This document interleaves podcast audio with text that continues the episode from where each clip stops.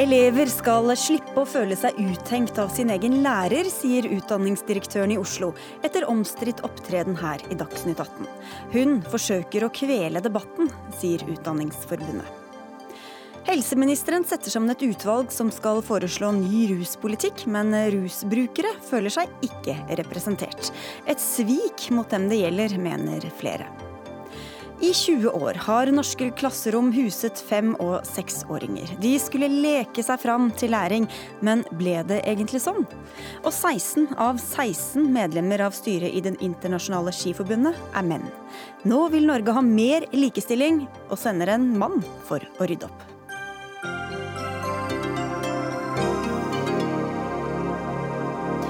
Velkommen til ukas siste Dagsnytt 18, i dag ved Sigrid Solund. Debatten om ytringsfrihet i Oslo-skolen har eskalert.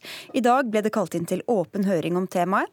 Bakgrunnen er kjent for mange av våre lyttere og seere. Det var nemlig en debatt her som var utgangspunktet for konflikten. I mars satt lektor Simon Malkenes ved Ulster videregående skole her og skildret en norsk time preget av forstyrrelser og kaos. Vi tar et lite tilbakeblikk. Jeg har ikke kontroll på resten av klassen. Jeg sitter med ryggen til, ved siden av R. Han har jo gitt helt opp. Hører på musikk. Jeg setter meg fram til kateteret igjen. R snur seg med en gang og snakker med PA. J har i mellomtiden flytta helt bak i kroken. Nå krangler R og S høyt. De synger. R kaller R for tulling. R roper at S er dratt ut av mora si etter nesen. Han går til B. Han lager prompelyd. B og R diskuterer om B skal jobbe. S roper at han har jobbet, og at nå skal han begynne. Nå må jeg avslutte timen. Malkenes formål var å kritisere inntakssystemet i Oslo, men det han oppnådde var bl.a. at skolen varslet personalsak mot ham, og i går skrev Utdanningsetatens direktør Astrid Søgnen en kronikk i Aftenposten hvor hun tar elevene i forsvar og sier at de skal slippe å bli uthengt av sin egen lærer. Men Steffen Handal, leder i Utdanningsforbundet, du reagerte på det hun skrev. Hvorfor det? Først har jeg lyst til å si at uh, ytringsfriheten står veldig sterkt i Norge. Men det står ganske dårlig til i skolen. Og lærere opplever at deres ytringsfrihet er under press, og at den begrenses. Og det som Astrid Søgnen bidrar til med sitt innlegg, det er egentlig å kanskje tone ned betydningen av læreres ytringsfrihet. Og hun bruker egentlig elevenes læringsmiljø eh, som en måte å gjøre det på, mener jeg. Og det gjør hun ved at hun ved å peke på elevenes miljø dreier debatten over fra det som var egentlig diskusjonen som du helt riktig peker på, inntakskrav og ressurstildelingssystemet i Oslo-skolen, og over til hvordan ytringen til Simon Malkenes, Malkenes, blir oppfattet av noen. Og det er klart, Ytringsfriheten kan ikke begrenses av hvordan elevene kan oppleve at ytringen eh, er. Altså Hvis vi skal ytre oss på en måte der hvor vi alltid tar hensyn til at noen kan bli støtt av det, så vil den offentlige debatten svekkes. Og vi vil ikke bygge opp under nødvendig kritikk i offentligheten. Og jeg mener det er svært alvorlig at en etatssjef egentlig legger seg, legger seg, på en linje der hvor kritikk møtes på denne måten. Hun burde egentlig ønske kritikk velkommen, og på den måten egentlig stimulere til at lærere bruker ytringsfriheten til å ytre seg kritisk. Jeg tenkte vi skulle inn på det prinsipielle litt etter hvert, men at vi bare må bruke denne saken først. Eh, er det ikke forståelig at elevene kan ha følt seg uthengt i denne eh, runden her i Dagsnytt 18? Jo, det er forståelig. Og jeg sier også det at vi, vi, vi må regne med at ytringer kan oppleves som stigmatiserende eller på andre måter krenkende. Eh, men spørsmålet her er jo om Simon Malkenes skal la være å uttrykke det han mener som er Så det er innafor det som er eh, akseptabelt, mener du, selv om elevene kan da føle seg krenka? Dette er helt klart innenfor ytringsfriheten til Simon Malkenes. Mm. Og det å kjøre fram elevenes eh, læringsmiljø som en på en måte motsats til det, det bidrar til å egentlig innskrenke ytringsfriheten for lærere, sånn som jeg ser det. Men for å høre da, Astrid Søgn, direktør i Utdanningsetaten, gikk han over streken? Burde han ikke ha sagt det han sa? Eh, Simon Malkenes eller andre lærere kan ytre seg om hva de vil, og de bør i enda større grad ytre seg, etter min vurdering. Det skal være full ytringsfrihet i Oslo-skolen.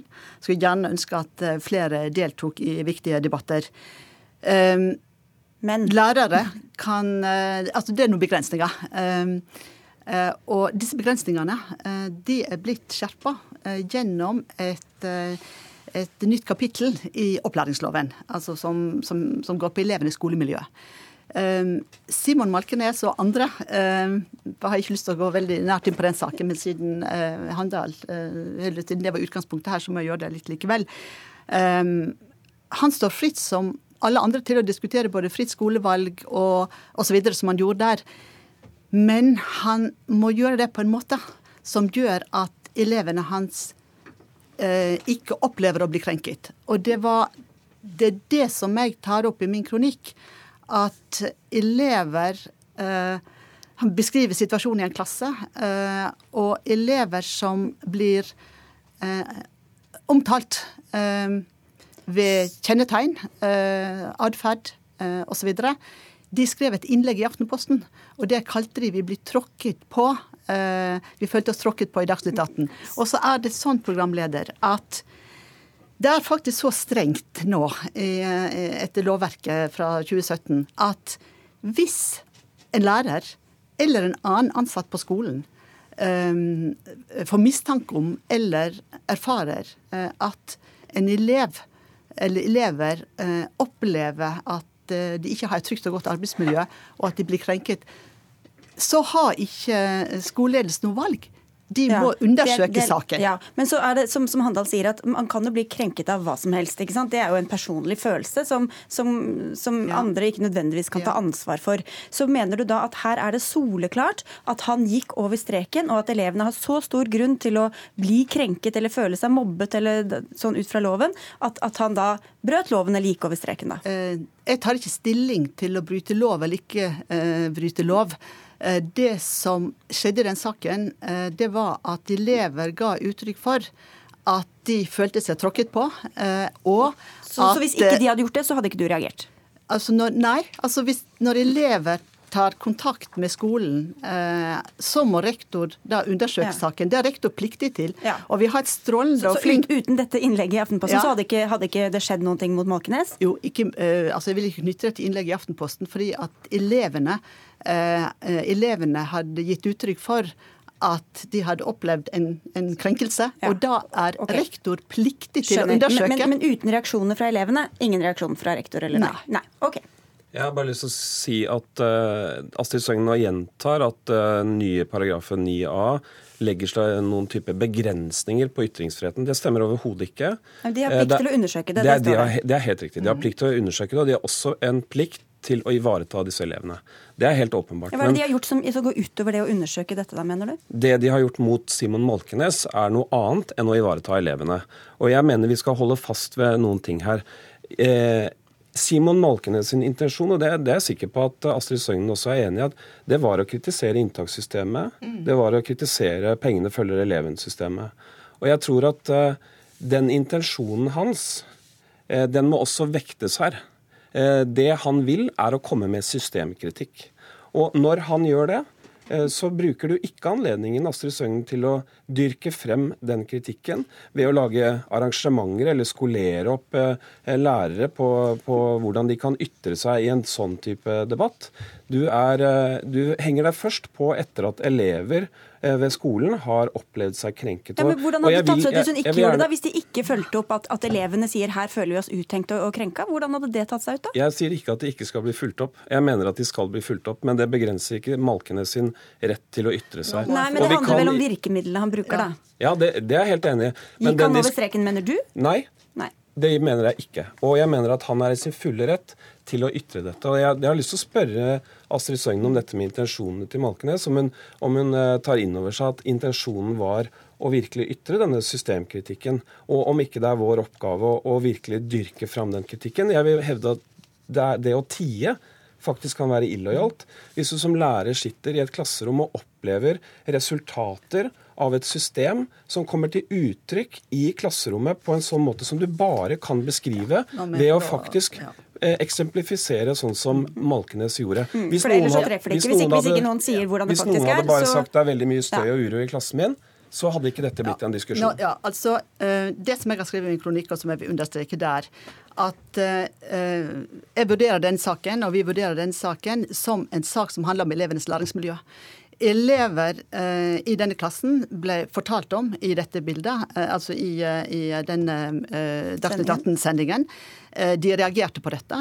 Eh, de sa til rektor, eh, og rektor meldte fra til oss, for det må, må man også gjøre, at de, følte, altså at de opplevde at de kunne bli gjenkjent. Men Senest- ser du ikke at denne saken har en er dimensjon min. Nå, ja. utover det? Det som jeg sier i, dags, i, um, eh, i dag i Aftenposten, det er at uh, vi vurderer dette som en, uh, en skolemiljøsak, men Uh, og ikke først og fremst en sak om ytringsfrihet. Læreren i Oslo ytringsfrihet, Simon Malkenes, må eh, og alle andre Men hvordan har man ytringsfrihet hvis man ikke kan si hvordan det konkret fordi- er? Hvordan det faktisk er i klasserommet? Jo, men det, det, det kan man gjøre uten at man gjør det på en måte som gjør at elever kan opplever å bli identifisert. Og det er det som er, det er, det som er utgangspunktet for at eh, rektor og skolen følger dette opp. Dette er en veldig ja. Jeg skal spørre om en ting først. Så hvis, hvis de var så redde for å bli identifisert, hvorfor skrev de da dette innlegget til Aftenposten hvor de underskrev med hvilken klasse de gikk i? Noe som ikke hadde blitt eh, sagt her i Dagsnytt 18. Nei, men her i Dagsnytt 18 så var de blitt beskrevet på forskjellige måter som gjorde at de kunne bli gjenkjent. Og da, det siste jeg leste før jeg kom hit til dette programmet i dag, det er at en elev eh, som, som eh, var i denne klassen, han sier at vi var alle enige om å skrive dette innlegget. Og vår lærer brukte forbokstaver på oss, og hele skolen visste hvem det var. Altså, da jeg må bare få understreke at rektor har ikke gjort noe annet enn at rektor har fulgt opp, han har varsla, han følger opp saken. Når det gjelder ytringsfrihet og diskusjon uh, som styrker ytringsfriheten, så er det ønsker vi det selvsagt velkommen. Og jeg har lyst til å si til, eh, til også til Handal at, jeg også si til Handal at uh, vi og jeg ønsker at alle skal oppleve at de med noen begrensninger knyttet til norsk lov skal ytre seg om skolespørsmål og delta i debatt. I Oslo så er det okay, men nå må Det, Handal få komme det, inn. det der er en, Ja. det er en altfor generell eh, ytring. Altså, Den rammer ingen, den treffer ingenting. Den går bare ut i luften. Vi må diskutere ytringsfriheten i de situasjonene hvor det faktisk gjør litt vondt. Og du du, Det sto i Aftenposten lærere har ytringsfrihet, men kan ikke krenke elever. Mener vi det? Ja, Altså, du svarer på det. skal- mener, kan, hvor, skal- hvor blir det av ytringsfriheten hvis man ikke kan skrive noe som kan krenke noen? Mener du det? Altså, Du skjønner jo at Simon Ja, Malkenes hadde intensjon her om å, om å snakke Ja, om systemet, men- men- og men du sier at det han ikke skal skal gjøre det. Skal lærere kunne ytre seg selv om det krenker elevene? Uh, I forhold til uh, Ja eller nei? Lærere kan ikke krenke elever. Men Hvis det, da elever man ikke si opplever det ting. Ja, men da kan jo ikke le altså, Alle, som vi var inne på innledningsvis, alle kan jo bli, jeg kan jo bli krenket av hva som helst uten at det nødvendigvis er ditt ansvar. Eller? Altså i, i, eh, i den lov, eh, lovteksten, eh, eller i, i de nye eh, kravene som gjelder, så hvis en elev, hvis din datter eller sønn uh, sier til sin lærer eller til rektor uh, så eh, at man følte ubehag, så må faktisk da eh, eh, Må det, ta, det må følges opp. Men å følge opp betyr jo ikke nødvendigvis at her går grensene. Nei, men jeg sier ikke at grensen går. Ikke, jeg Du sier sa ikke jo nettopp det, at en lærer ikke opp. skal kunne si noe som krenker eleven. Nei, det, da uttrykte jeg meg feil. feil. Jeg mente at hvis en lærer sier noe som en elev Så kommer man og forteller om men det betyr ikke at grensene går Det er ikke bare okay. hva du sier, det er det, det, det, det som står i Aftenposten. Lærere har ytringsfrihet, men kan ikke krenke elever, sier du. Og så sier du også lærere har som alle andre ytringsfrihet. Disse tingene henger ikke sammen. Altså, og, de og, sammen. Og jeg tror lærere som er, står ute i klasserommet i en virkelighet som de har lyst til å sette ord på, blir veldig usikre av det doble budskapet. Ja, men- Er det faktisk sånn at lærere som vil ytre seg med systemkritikk, ikke skal gjøre det? Men må fordi man gjøre at- det på den måten som kan at- identifisere elever? Ja, men det, det har man jo, som du også er inne på, ikke alltid kontroll på. Og jeg, ikke sant? Vi, Men vi er nødt til å ikke ha den skranken. Vi kunne hatt en hel time her, tror jeg, ja, men- po- eh, eh, eh, Poenget er ganske enkelt at eh, lærere og andre er hjertelig velkommen til å ytre systemkritikk. Vi hadde aldri vært der vi er i Oslo-skolen i dag hvis ikke vi hadde vært i en kontinuerlig dialog Men om fire av forbedring. ti lærere sier at Men- de ikke tør men å gjøre det, ifølge en, undersøkelse undersøkelse fra Lektorlaget. Så hva, hva sier det men, deg da? eh, Det, som, det det forteller meg, det er at vi må arbeide kontinuerlig med det. Men jeg vil samtidig lyst til å si at, jeg har lyst til å si at eh, vi har ikke hatt en eneste Vi har ingen eh, ytringsfrihetssaker i, eh, i noe varslingsanlegg. Utdanningsforbundet har sagt at vi har ikke hatt varslingssaker på de siste 12-13 åra. At Og vi har gått god med det. det også, Ja. Ja, Men dette her jeg bare lyst til å komme, Kan jeg komme med Ja, et men- eksempel? Det, nei, vet du hva, det har vi rett og slett ikke tid til. Du kan få en veldig, kan få en veldig kort avslutningskommentar begge to. Ja. Det er gått et kvarter, skjønner du. Men ok, veldig kort til deg, Hamal. Handal, at og til jeg har opplevd dette i andre kommuner også. Dette er ikke noe som bare gjelder Oslo. I Sandefjord kommune så sa to lærere ifra om at de ikke ville følge opp et rapporteringssystem som kommunen påla dem. Deres stillingsforhold ble satt i spill. Det endte heldigvis godt, men de fikk også Solarprisen for sivilt mot. Mm. Det sier litt om hvilken situasjon vi er i. Men, men altså, jeg syns det er litt underlig, Handal, som leder av Utdanningsforbundet, at du ikke tar inn over deg at vi alle sammen eh, må være enda mer obs i forhold til elever som opplever at det ikke er et trygt og godt uh, læringsmiljø. Jeg har vært med det å utvikle en profesjonsetisk plan for lærere. Den syns jeg alle skal gå inn og se på. Den uttrykker veldig godt hva vi står for. Okay, okay. Skjønner, dere har ulike fokus her. Hjertelig velkommen til og ytre seg. Sånn. Systemkritikk. Men de må gjøre det på en sånn måte at elever ikke okay. opplever å bli krenket. Det, det har du fått fram. Vi må avslutte nå. Det blir da en åpen høring og sikkert eh, flere kronikker og debatter. Tusen takk skal dere ha begge to eh, i denne omgang, Astrid Søgnen og Steffen eh, Handal. Takk skal dere ha. Dagsnytt 18 alle hverdager klokka 18.00 på NRK P2 og NRK2. Hotellkjeden Choice, som Petter Stordalen står bak, gir penger til NOAS, Norsk organisasjon for asylsøkere, for at flere av deres ansatte som er asylsøkere skal få hjelp i søkeprosessen sin. Ifølge TV 2 gir hotellkjeden rundt 1 million kroner til NOAS i Norge, og omtrent samme beløp til en tilsvarende organisasjon i Sverige. Torgeir Stilseth, du er administrerende direktør i Nordic Choice Hotels. Hva eh, helt konkret skal denne juridiske hjelpen gå til?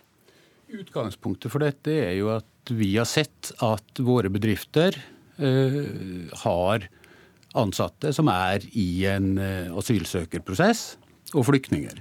mer enn 30% av våre 16 000 ansatte har ikke-nordisk bakgrunn. Uh, og vi, hvis noen av våre ansatte kommer i en krisesituasjon, så ønsker vi å hjelpe våre ansatte. Det er slik arbeidsgiver vi ønsker å være. Og når eh, flyktninger og asylsøkere kommer i en eh, problematisk situasjon her, så ønsker vi også å kunne hjelpe de, og da har vi gjort et samarbeid med NOAS i Norge, tilsvarende organisasjon i Sverige, som du riktig sier, for at de skal kunne få prøvd sin sak på nytt med vår hjelp og NOAS F.eks. hjelp til klagebehandling? Og riktig. Ja, riktig. Ja. Okay. Eh, Jon Helgheim, du er innvandringstalsperson i Fremskrittspartiet og sablet dette raskt ned på Facebook. Eh, hvorfor det, egentlig? Ja, det var ikke akkurat det jeg gjorde, men Men Du sa de kan gjerne bruke pengene sine ja, som de vil, altså, men det får konsekvenser? Eh, bedrifter i Norge eh, de får bruke pengene sine på akkurat hva de vil. Eh, og jeg har full forståelse for at Choice Hotels ønsker å ta vare på sine ansatte. Det er prisverdig. Men i den saken på TV 2 så kom det fram en del påstander som jeg mener er feil, og det var det jeg reagerte litt på. For der påstås det spesielt to ting. Det ene er at dette her Eh, bidrar til bedre integrering. Eh, og det andre er at vi trenger eh, den arbeidskraften. Altså vi trenger mer arbeidskraft. Og sånn som det er fremstilt i den saken, så synes jeg at det er en, en feil fremstilling av hva som faktisk er virkeligheten. For hvis vi skal jobbe stadig for at det flest mulig av det som i utgangspunktet er ansett som grunnløse asylsøkere, skal få permanent opphold i Norge, så blir det ikke bedre integrering av det. Det blir faktisk dårligere integrering av det. Fordi det vil da bli flere som kjemper om de samme jobbene. Flere vil faktisk falle utenom. For vi vet at veldig mange av de kommer ikke til å få jobb. Og jo flere som kommer, jo mindre blir jo, men muligheten. Hvis de får bli, så betyr det at så får de bli fordi at de har krav på å få asyl i Norge, da? Jo da, men hvis man eh, hele tiden skal jobbe for at flest mulig av de som i utgangspunktet er ansett som grunnløse asylsøkere, f.eks., skal få opphold. Eh, veldig mange får jo da opphold på andre det. grunnlag eh, enn at de har et beskyttelsesbehov. Eh, og eh, det må man gjerne jobbe for, og rettssikkerheten skal ivaretas, det er helt greit. Men å påstå at det eh, blir bedre integrering av det, det er jo en feil. fordi jo flere som kommer til Norge men, som men, flyktninger men Jeg skjønner ikke det er en logisk brist i det her. fordi du sier at hvis de får bli, altså hvis de får bli, så er det jo fordi at de har krav på å bli. Hvis de får bli, så er det, det er at man da har funnet som du skriver på Facebook. Eh, at flest mulig uten oppholdstillatelse hjelpes til å få bli. At flere hjelper flere grunnløse asylsøkere mm. til å få opphold. Men da, hvis de får bli, så betyr jo det at de har krav på å få bli. Poenget her er at jo flere som får permanent oppholdstillatelse i Norge, jo vanskeligere blir det å integrere. Men disse er jo mennesker som allerede har en jobb? Ja, men jo flere som kommer til Norge, når vi allerede har veldig mange, og spesielt høy andel innvandrere som allerede i dag står uten jobb, eh, og vi eh, fokuserer på å få enda flere Ja. til å bli, så mener jeg det hadde jo vært bedre om man hadde satsa på å skaffe jobb til de som allerede skal Og- og- være og i da vil jeg sikkert si at Det kan man gjøre begge deler, men jeg har fortsatt ikke helt skjønt dette eh, logikken i det. Hvis, man, hvis, hvis du stoler på asylsystemet i Norge, Mm. så får jo bare de menneskene som skal få bli, får opphold. Så hvis man da eh, får hjelp til å eh, få riktig eh, beslutning i Norge, hva er da problemet? Eh, Ofte så kan det også være at hvis man har vært eh, uten oppholdstillatelse så lenge i Norge, eh, at man får, og så får man til slutt en ny vurdering, så har man kanskje skaffet seg en grunn til å få bli i Norge eh, den tiden man har vært der. At det er andre hensyn enn f.eks. et beskyttelsesbehov som legges til grunn. Men det er fordi de bruker de reglene dere har, da, som, som, som Men de norske reglene. kritiserer jeg jo ikke reglene, og jeg kritiserer Nei. ikke at man ivaretar rettssikkerheten. Jeg kritiserte argumentasjonen for hvorfor man gjør dette her. For man skaper da et helt feil bilde. Punkt 1, Man skaper et bilde av at vi trenger mer arbeidskraft, og derfor bør jobbe for at flest mulig asylsøkere skal få opphold i Norge, noe som er feil. Vi har for høy arbeidsledighet og trenger lavere arbeidsledighet. Og det andre er at det bidrar til bedre integrering, for det gjør det eh, faktisk ikke. hvorfor ansetter dere ikke heller de som allerede har fast oppholdstillatelse, og som går år etter år uten å få seg eh, ordentlig jobb? Ja, først, vi, Vår målsetting med det her er jo ikke at de som ikke har rett på asyl, skal få det. Vi vil bare hjelpe våre ansatte til å få belyst sin situasjon. Eh, Og vi har en sak eh, som utløste dette. Ali-hjelpen kaller vi dette. Det var en ung afghansk flyktning som mens han søkte om permanent opphold i Sverige, jobba på våre hoteller, ble godt integrert. Han sa til oss at min største drøm i livet er å få opphold i Sverige. Eh, Så sa vi det er ikke vi som kan gjøre noe med, men vi hadde lyst til å hjelpe han. Fikk noen andre til å se på saken. Han har nå midlertidig opphold, er på vei til permanent opphold innenfor de samme reglene. Dette systemet gjør feil, og da har vi tenkt å hjelpe våre ansatte til å komme best mulig ut av det systemet. Har full respekt for at er det Du stoler ikke på at det skjer uten juridisk hjelp fra, fra NOAS eller andre? vi, vi ønsker å hjelpe våre ansatte i en kritisk eh, situasjon til å få best mulig hjelp, og syns det er en, en verdi. Men men hvorfor ikke heller sette sin lit til systemet og tanke på at de, de som faktisk har mest behov, og som dermed også får automatisk opphold når de kommer, at det er de som først og fremst skal ansettes? Jeg syns det er et kvalitetstegn at idrettslag, bygdesamfunn og bedrifter engasjerer seg i disse sakene og ser om det kan belyses nye fakta, finne nye veier inn i det systemet. Det er et komplekst system, masse lang saksbehandlingstid, stort press i det systemet. At det gjøres feil der som i de andre store systemene, det gjøres det. Og vi vil prøve å hjelpe våre ansatte at de ikke blir utsatt for de feilene.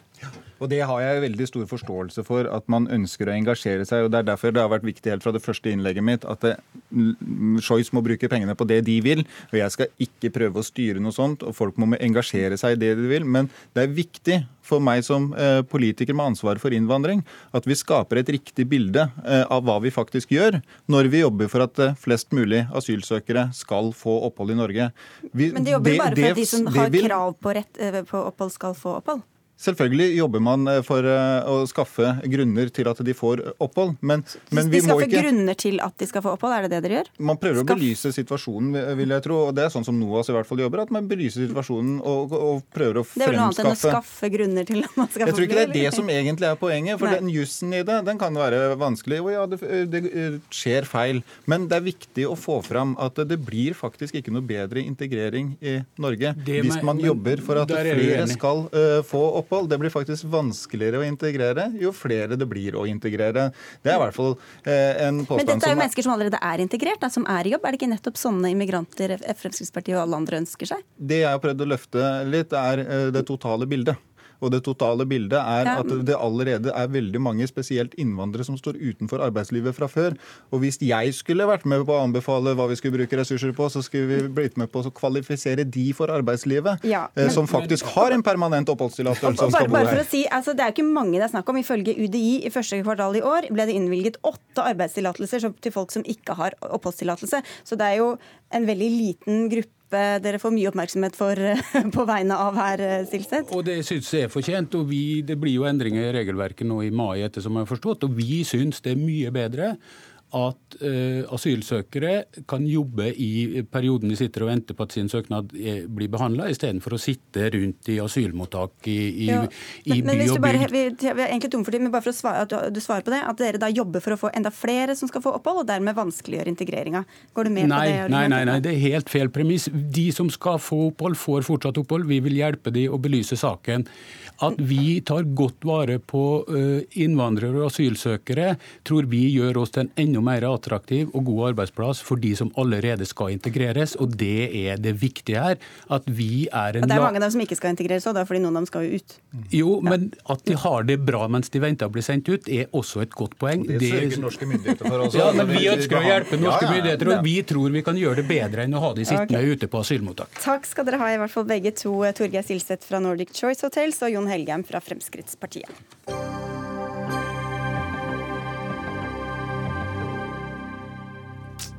Rundt om i landets mange barnehager finnes det tusenvis av fem- og seksåringer som helt sikkert gleder seg til å begynne på skolen til høsten. Men det finnes også sikkert mange som gruer seg. For er barn som ikke kan klokka eller klarer å knyte skolissene sine, egentlig modne nok til å begynne på skole? Det bekymrer du deg over i en kommentar i Dagsavisen, der du er nyhetsredaktør eh, Lars West Johnsen. Du er også far til en førsteklassing, som du skriver om. Hva slags inntrykk har du av eh, hva disse minste barna får ut av skolehverdagen? Nei, de, de, får nok en del ut av skolehverdagen. Men eh, poenget mitt er at de hadde nok fått mer ut av enn et år til i barnehagen. Ja, Hva eh, syns du da om at de blir sendt på skolen når de er fem år? Nei, Jeg syns det er unødvendig. Uh, jeg synes virkelig det. Uh, guttungen min klarer seg bra. og Vi har hatt tester nå på slutten av året, og det er for så vidt tommel opp. Og jeg har en jente i tredje klasse også som, så, som går på samme skole, og hun elsker skolen. Uh, men jeg veit at han hadde hatt, særlig gutten, hadde hatt mye bedre av ett år til i barnehagen. Løpe fra seg, modnes. Uh, og det var Det er ikke noe gøy å ta unger ut av barnehage. De, de, barnehagen er deres borg. Uh, og jeg syns de kunne fått lov til å være inne i sin trygge, trygge boble et år til. De skal gå på skoletid, de er ja, kanskje nesten 30. Mathilde Tybring-Gjedde, stortingsrepresentant og talsperson for Høyre. Hvorfor er det riktig at barn begynner på skolen det året de fyller seks? Jeg har veldig stor forståelse for at for foreldre så er det kanskje overveldende og ganske skummelt å slippe hånden til små barn og la dem gå inn i skolen med en sekk som kanskje er større enn dem selv. Men det handler jo ikke om det, om det er skole eller barnehage, det handler om innholdet i skolen. Og det som er det viktigste, er at man klarer å ha en metode å lære bort som gjør at barna trives. Og som derfor så er jo målet å satse på lærerne. For det er jo lærerne som har den kompetansen til å vite hvordan små barn lærer på en god måte. Og det er helt klart, som du sier, at gutter og jenter, når de er født på ulike tider på året, når de begynner på skolen, så er de veldig forskjellige. De lærer på ulike måter. Mange trenger lek som en metode. Men dette er da om å gjøre for lærerne å jobbe med. og Derfor vi satser på å ha de dyktigste lærerne som kan begynneropplæring og skjønner de minste barna. Nå blir du litt sånn anekdotisk, eh, du er jo ikke skoleforsker heller, men hva, eh, hva er ditt inntrykk da? Er det lek primært som står i fokus på, i første klasse? Eh, skolen er full av veldig veldig flinke lærere som, eh, som ser elevene og gir elevene eh, utfordringer på deres nivå. Men samtidig så er, har de jo press på seg. De har rammer de skal holde seg innafor. Det er læringsmål som skal nås. sånn at selv om man ønsker å vektlegge lek og moro og den friheten de har med seg som de har opplevd i barnehagen, så, så, så, må de skoleres. De skal lære å lese egentlig til jul i første klasse. Uh, I hvert fall til sommeren. Uh, og de skal lære tall og i det hele tatt. Det er mye som skal inn i det lille hodet det første året. Ja, det virker ikke helt som man har sett på de læringsmålene. For jeg kan bare lese opp noen. Dette er da læringsmål for første- og andreklassinger. De skal kunne leke, improvisere og eksperimentere med rim og rytme. De skal kunne skrive setninger med store og små bokstaver. Sette ord på egne følelser og meninger. De skal kunne ha samtale om personer og handling i eventyr. Dette er læringsmålene. Og så er det overfor læreren å bruke de metodene som er bra for små barn, som er helt forskjellige. Der er vi enige, men derfor så satser vi på lærerne. Det er veldig stor forskjell på teori og praksis. Eh, for lærerne så oppleves dette eh, ikke sånn. Det er ikke så fritt som du framstiller nå. De skal lære å lese, de skal lære å regne. Og det skal gjøres i løpet av første klasse. Men dere, Vi er så heldige at vi har med oss noen som faktisk eh, ikke trenger å ty til svogerforskning heller. Eli Kirsti Li Reikås, du er, Reikerås, du er førsteamanuensis ved Universitetet i Stavanger og forsker på barns utvikling. Hvor mye mer kunnskap har norske elever fått av dette ene året med tidligere skolestart? Dessverre så er det jo sånn at eh, en evaluering av L97 Eh, og PISA-resultater senere osv. viser at dessverre så var det ikke sånn som vi håpte på, at det skulle bli bedre resultater. Vi er f.eks. Det, det kullet som begynte i forhold til L97, de har dårligere resultater enn de som var før. Og videre når vi følger de voksenundersøkelser, altså de er jo nå i 20-årene de ungene, så gjør de det ganske dårlig. Så vi vet ikke om det altså det har ikke fungert etter hensikten på den, på den måten i hvert fall. Men hva, hva vet vi om hvordan denne læringa skjer da, det vi diskuterte nå i første klasse? Vi vet jo det at eh, intensjonen var jo at de snakket om eh, det beste for begge kulturer, altså både barnehagekulturen og skolekulturen. Eh, men ganske kjapt etter denne innføringen av L97 så hadde de jo en evaluering i 2003 Eh, og der de så at det var, det var litt frilek i klasserommene, men det var veldig lite lærerne brukte lek som metode i forhold til ungene. Og vi vet jo ganske mye om at for denne aldersgruppa så er det jo lek. Og lek som metode, det er på en måte det, det, det er der de lærer best, ungene. Mm. Og eh, nye, nye, undersøkelser viser jo òg det at eh, fremdeles altså, så er det jo skolekulturen som har vunnet. Eh, og det er på en måte det som legger rammene, istedenfor at det skulle òg være en del som fulgte i forhold til barnehagekulturen. Sånn at overgangen fra barnehage til skole kan for mange være ganske brutal, rett og slett. Jeg er helt enig i at overgangen fra barnehage til skole kan være ganske brutal. Nå innfører vi jo en samarbeidsplikt mellom barnehage og skole, hvor også lærerne, lærerstudentene skal ha noe praksis i barnehagen. Men for å bare nevne dette med Reform 97 Det er det hun kalte L97? L97, ja. ja. Mm. Eh, det er klart at Evalueringen viste at den ikke fungerte. Og det var jo derfor man innførte Kunnskapsløftet. Men da, da ble det bare enda mindre lek, gjorde det ikke det? Jo, men lek er fortsatt en metode og står i overordnet del av læreverket. Og det er mange lærere som bruker det. Men det vi gjorde med Kunnskapsløftet, var nettopp å forstå at det er for mange barn som går år etter år etter skolen, sitter bakerst og slutter å rekke opp hånden, for de følger ikke med.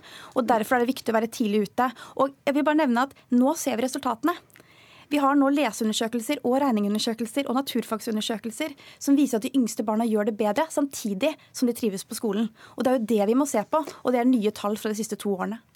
Jeg hadde akseptert alt det her vi snakker om nå, hvis min gutt eller jente hadde lært mer, blitt bedre elever, bedre skikka eller bedre rusta til å begynne på videre utdanning etter grunnskolen.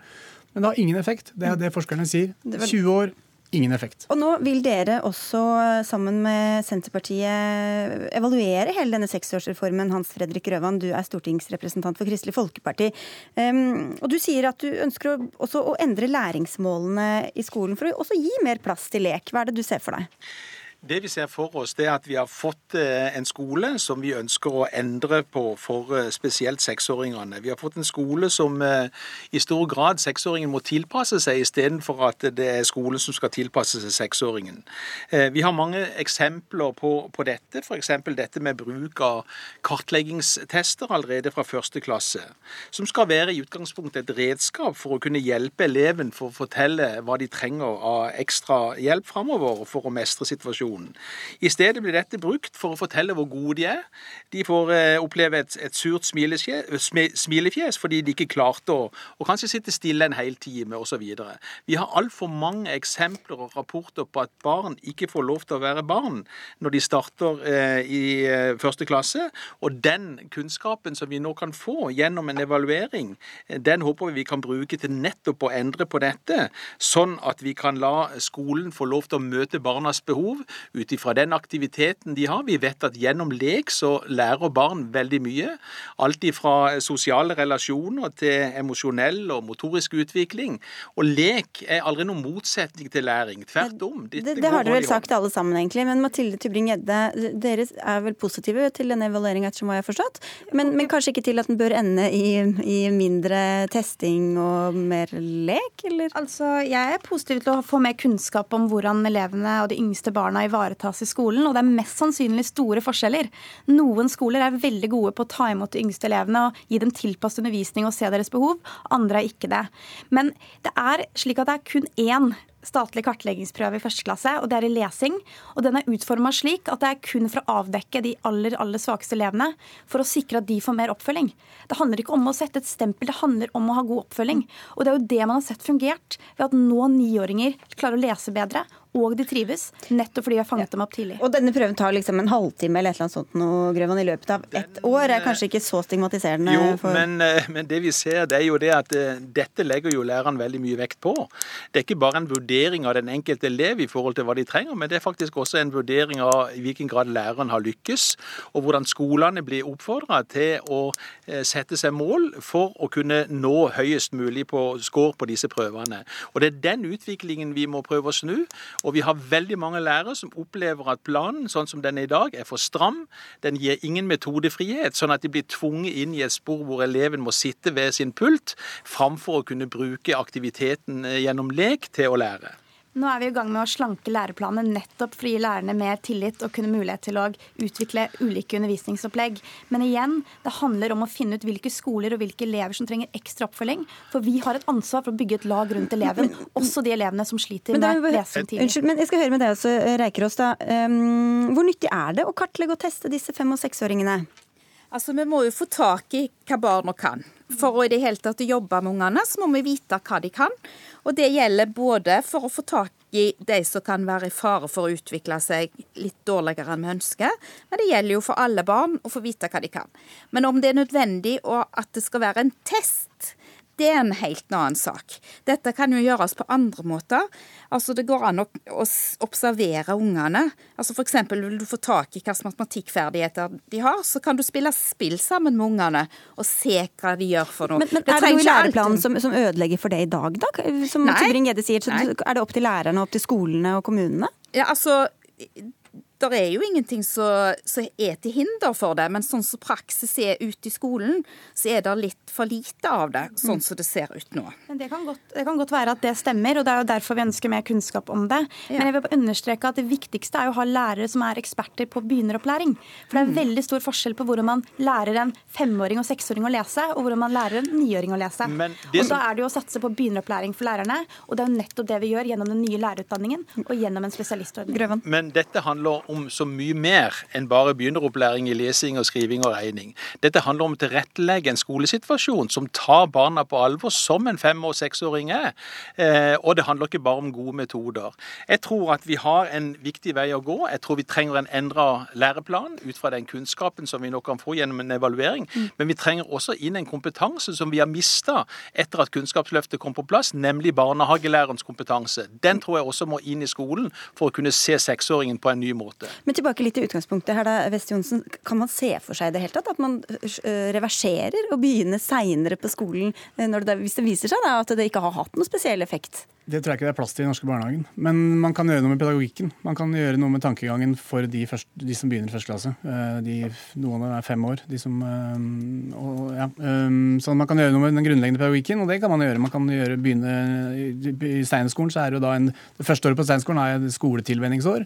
Og, som, og, det kunne man gjort mer av. Man kunne hatt en litt annen, eh, litt friere de to første årene. Det er absolutt mulig. Et, et land dere uh, ofte viser til, Tybrinede, er jo Finland. Uh, PISA-vinneren. Der begynner de når de er sju år. Mm. Altså Skolestartalder er jo ikke det mest avgjørende. Det som er avgjørende, er jo innholdet i den, det opplegget som de små barna får. Og så er det jo slik at En ting som jeg syns alle i denne debatten kanskje mangler litt, er jo faktisk hva har skjedd de siste årene. Det vi ser de siste årene, er jo nettopp at niåringer leser bedre. Vi ser at niåringer gjør det bedre i matte og naturfag fordi man har satset tidlig. Og det er veldig viktig for å unngå frafall senere. Og bare for å, bare for å på en måte utfordre eh, Grøvan litt der, da. Eh, vi har jo en undersøkelse fra Hedmark som er en stor undersøkelse blant første- til fjerdeklassinger, som viser at de trives godt på skolen. Snarere tvert imot, motivasjonen faller på ungdomsskolen, mens de yngste barna trives godt. Grøvan? Jo, Samtidig så eh, har vi også andre undersøkelser som f.eks. viser at eh, gutter lærer mye dårligere enn jenter de første årene. Det gjelder spesielt innenfor lesing. Eh, vi har fått en, en, en stor, kraftig økning i ADHD-diagnoser de siste 15-20 årene. Vi har grunn til å stille spørsmål hva er årsaken til det. Og så tror jeg også det er viktig at vi eh, har, gjør en endring på dette med skolestart. Ikke at vi skal endre fra seks til sju år.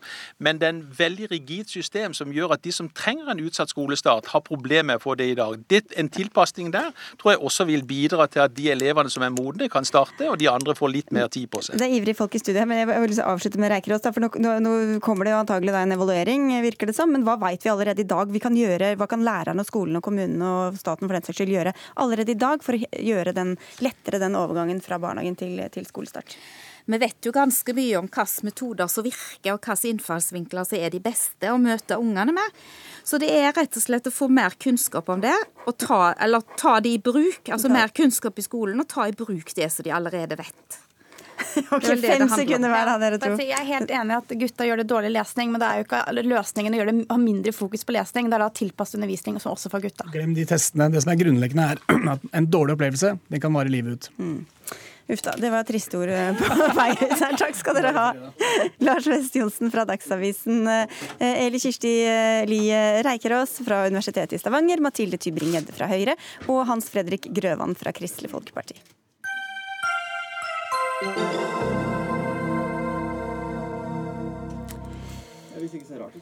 Norge skal utarbeide en ny ruspolitikk, men hvem skal få legge føringene? Helsedepartementet har oppnevnt et nytt rusutvalg som skal meisle ut en mer human politikk med mindre straff og mer helsehjelp.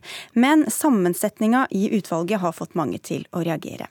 En ny organisasjon som kaller seg Brukerstemmene på rusfeltet, har skrevet et opprop mot mangelen på brukerrepresentasjonen i utvalget, og du er en av dem som står bak eh, Sturla Haugsgjerd. Hva og hvem er det dere savner i dette utvalget? Nei, altså, først vil jeg si at uh, Utvalget har uh, absolutt mye kompetanse. Og først og fremst er jeg utrolig glad for at på tre år, siden mange av oss uh, startet å melde oss på denne debatten, så har det jo skjedd helt utrolige ting.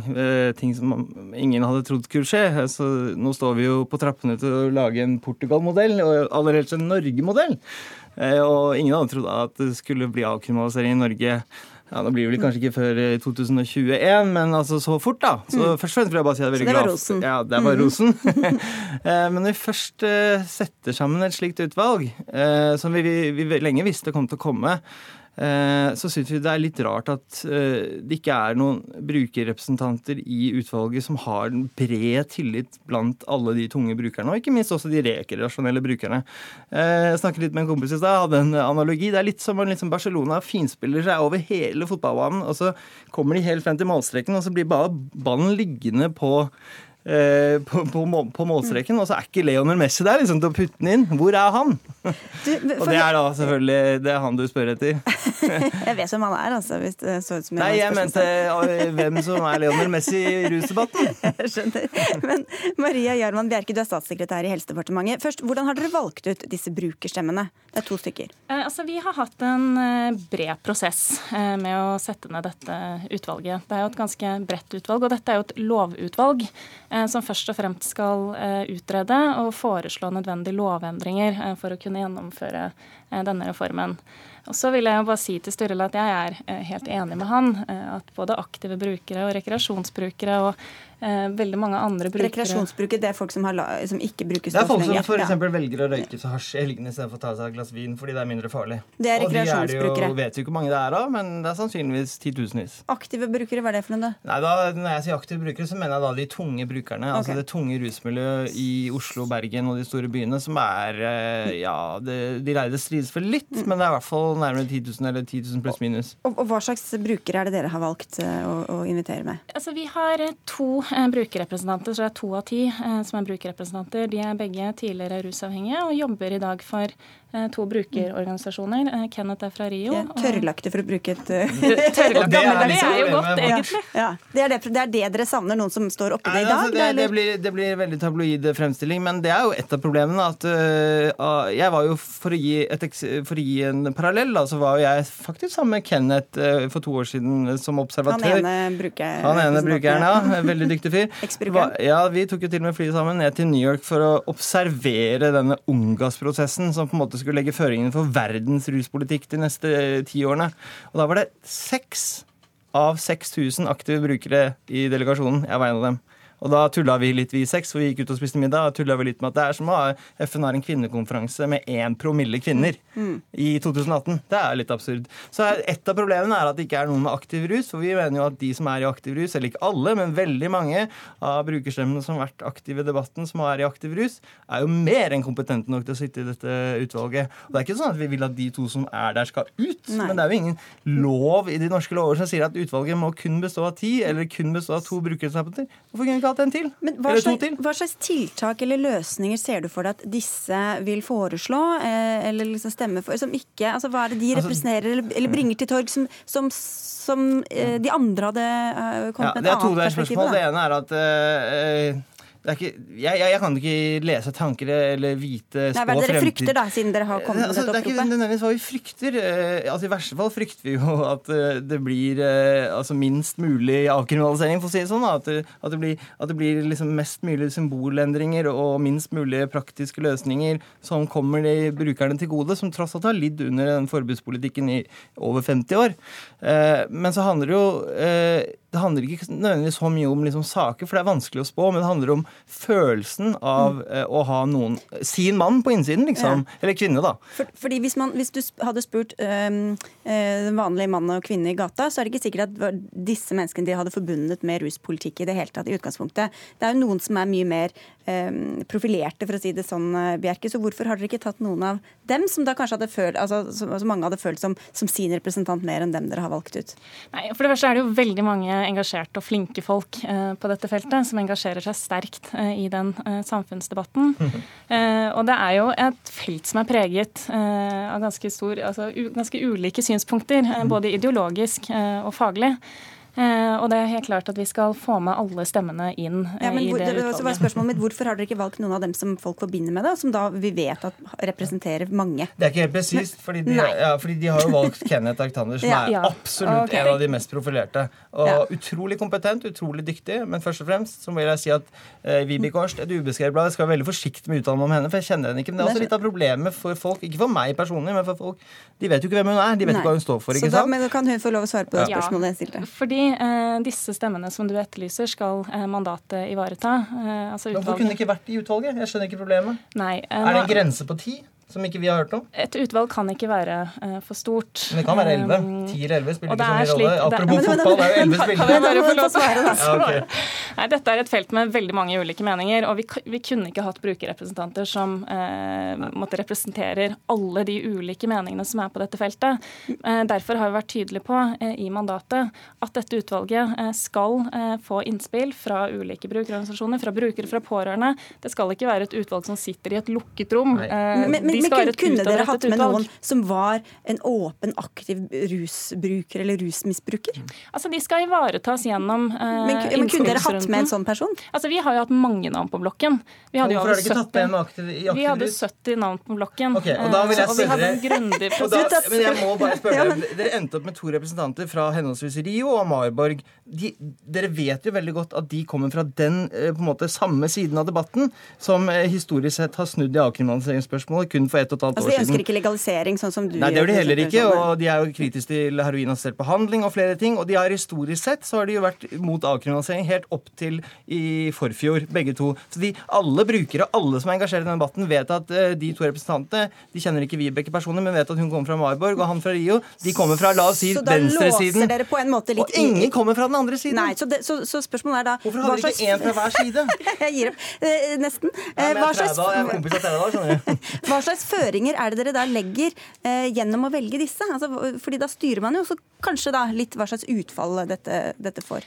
Nei, det, det vil jeg ikke si. Eh, altså Disse representantene som vi har valgt, mener jo vi at eh, er to gode representanter. Ja, og Det er det ingen som sier at de ikke er Det er ingen som sier at Men de ikke er gode.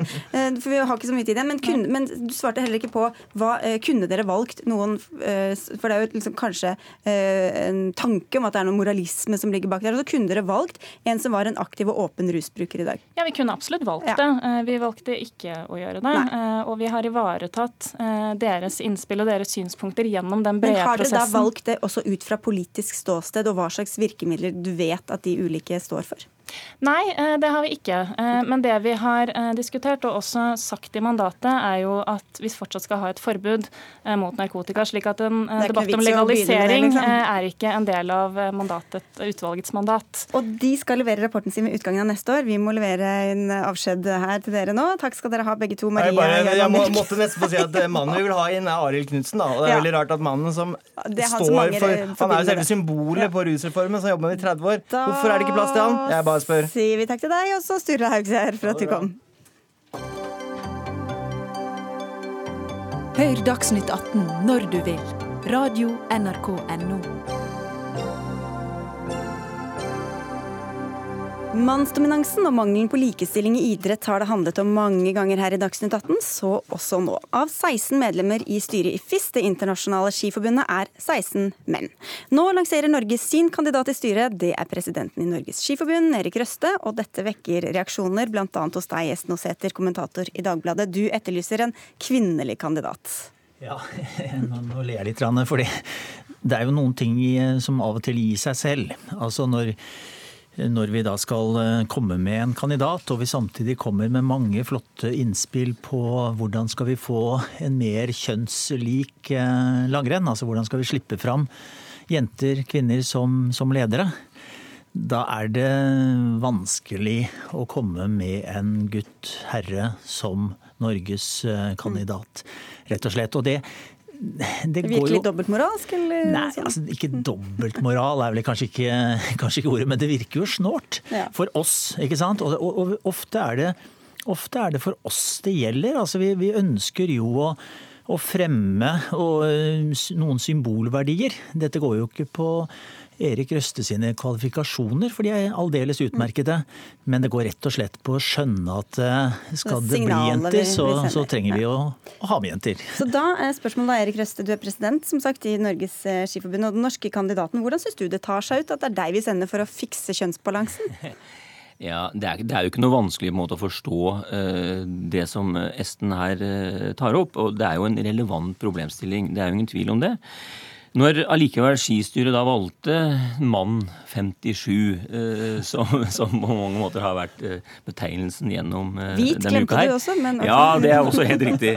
Så, så er det jo fordi det er skipresidenten som er tettest på prosessene, som har skoene på, og som har en posisjon, og som da kanskje har størst mulighet til å påvirke. Det internasjonale fellesskapet, som det definitivt er behov for. Og Og hvis jeg får lov til å bare si det, så, så, er jo det noe som jeg virkelig har vært opptatt av i min posisjon som skipresident fra jeg ble valgt i 2012.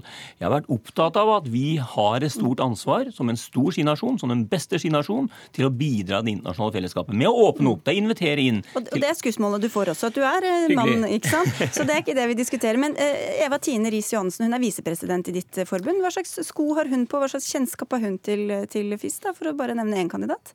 Jo, Eva Tine kunne vært en kandidat til, til, det styret, og du har helt rett i det. Uh, og så sa skistyret, og så må jeg da legge til at jeg var jo ikke Nei, med ikke på den diskusjonen. Det. Uh, det, var, det, var, skistyret, og som sa at de, de ønsket å gå tilbake da, til en tidligere praksis hvor det er skipresidenten som Du kunne som, pekt på henne, f.eks.? Det, det, det er mange, mange ting man kunne diskutert i det, men, men, men skistyret valgte det. Og det, er jo, det var skistyrets valg denne gangen. Og så syns jeg det er en helt helt fair og relevant debatt.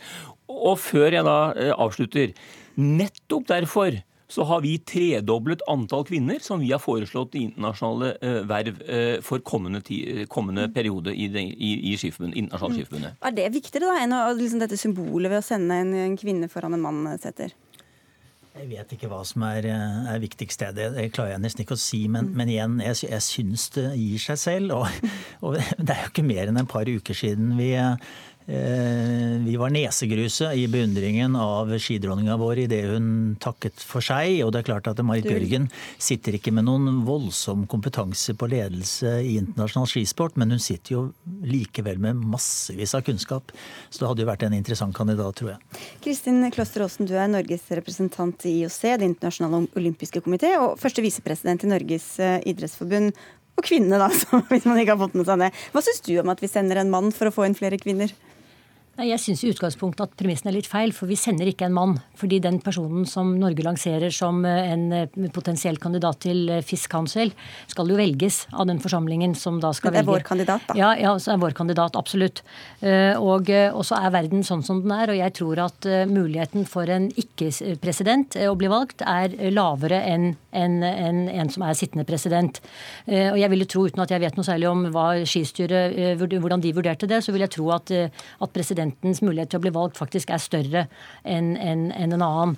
Men, men, eh, så er jeg jo også sikker på at det er på en måte den personen som blir valgt, som er viktig for hvordan arbeidet skal pågå. Og det jeg ser i FIS, det er jo at de har et stykke å gå i forhold til de strukturelle eh, hva skal jeg si, systemene som må være på plass, sånn at det blir naturlig og helt riktig det som er helt riktig, og det er at man får flere kvinner inn. Og da tror jeg at Erik Røste er en veldig bra person til å gjøre akkurat det. Men uh, si litt om disse holdningene som råder der, ja. Sæther? Ja, altså jeg har uh, hatt gleden av å være på disse FIS-kongressene nå de siste, de siste årene. Uh, og det sier jeg fordi det er journalistisk veldig, veldig interessant. Og det var en tilnærmet selsom opplevelse uh, for to år siden. Da det var Ungarns delegat, en av de få jentene i forsamlingen, prøvde å ta opp noen regelendringer.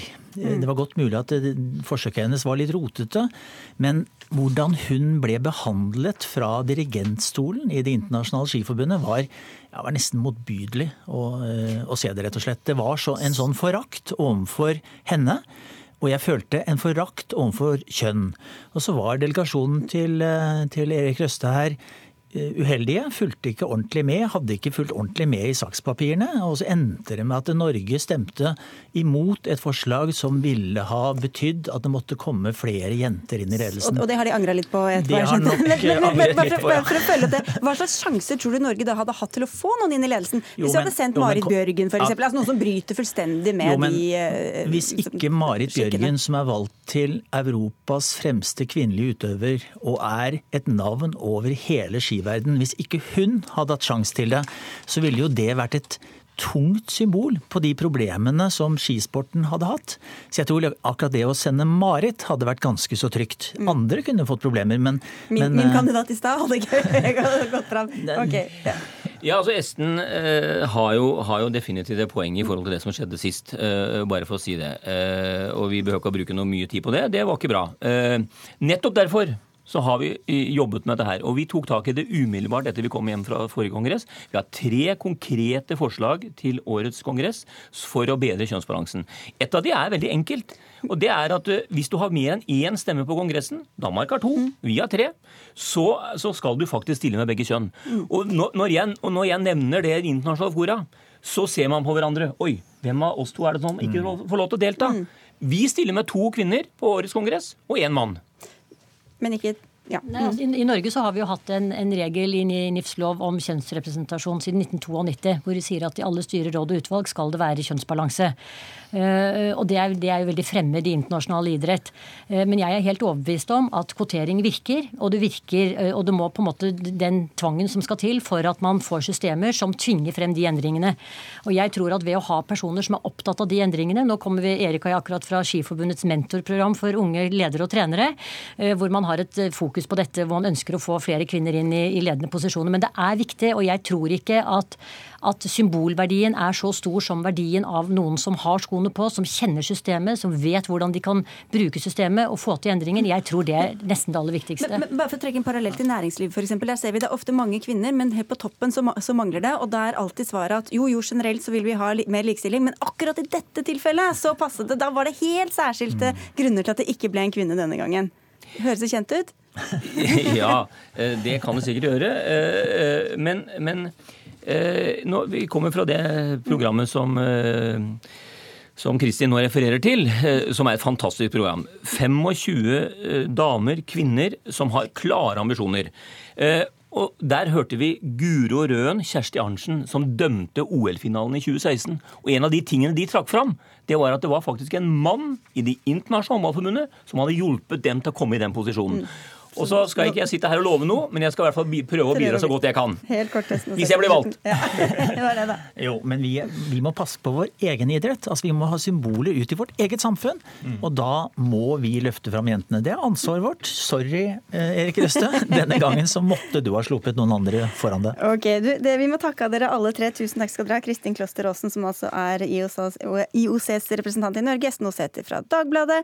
Erik Røste, president i Norges Skiforbund. Og hvem vet hva slags internasjonal karriere du har foran deg. Dag Dørum, Hilde Tosterud og jeg, Sigrid Solund, takker for oss. Og, takk, og god helg.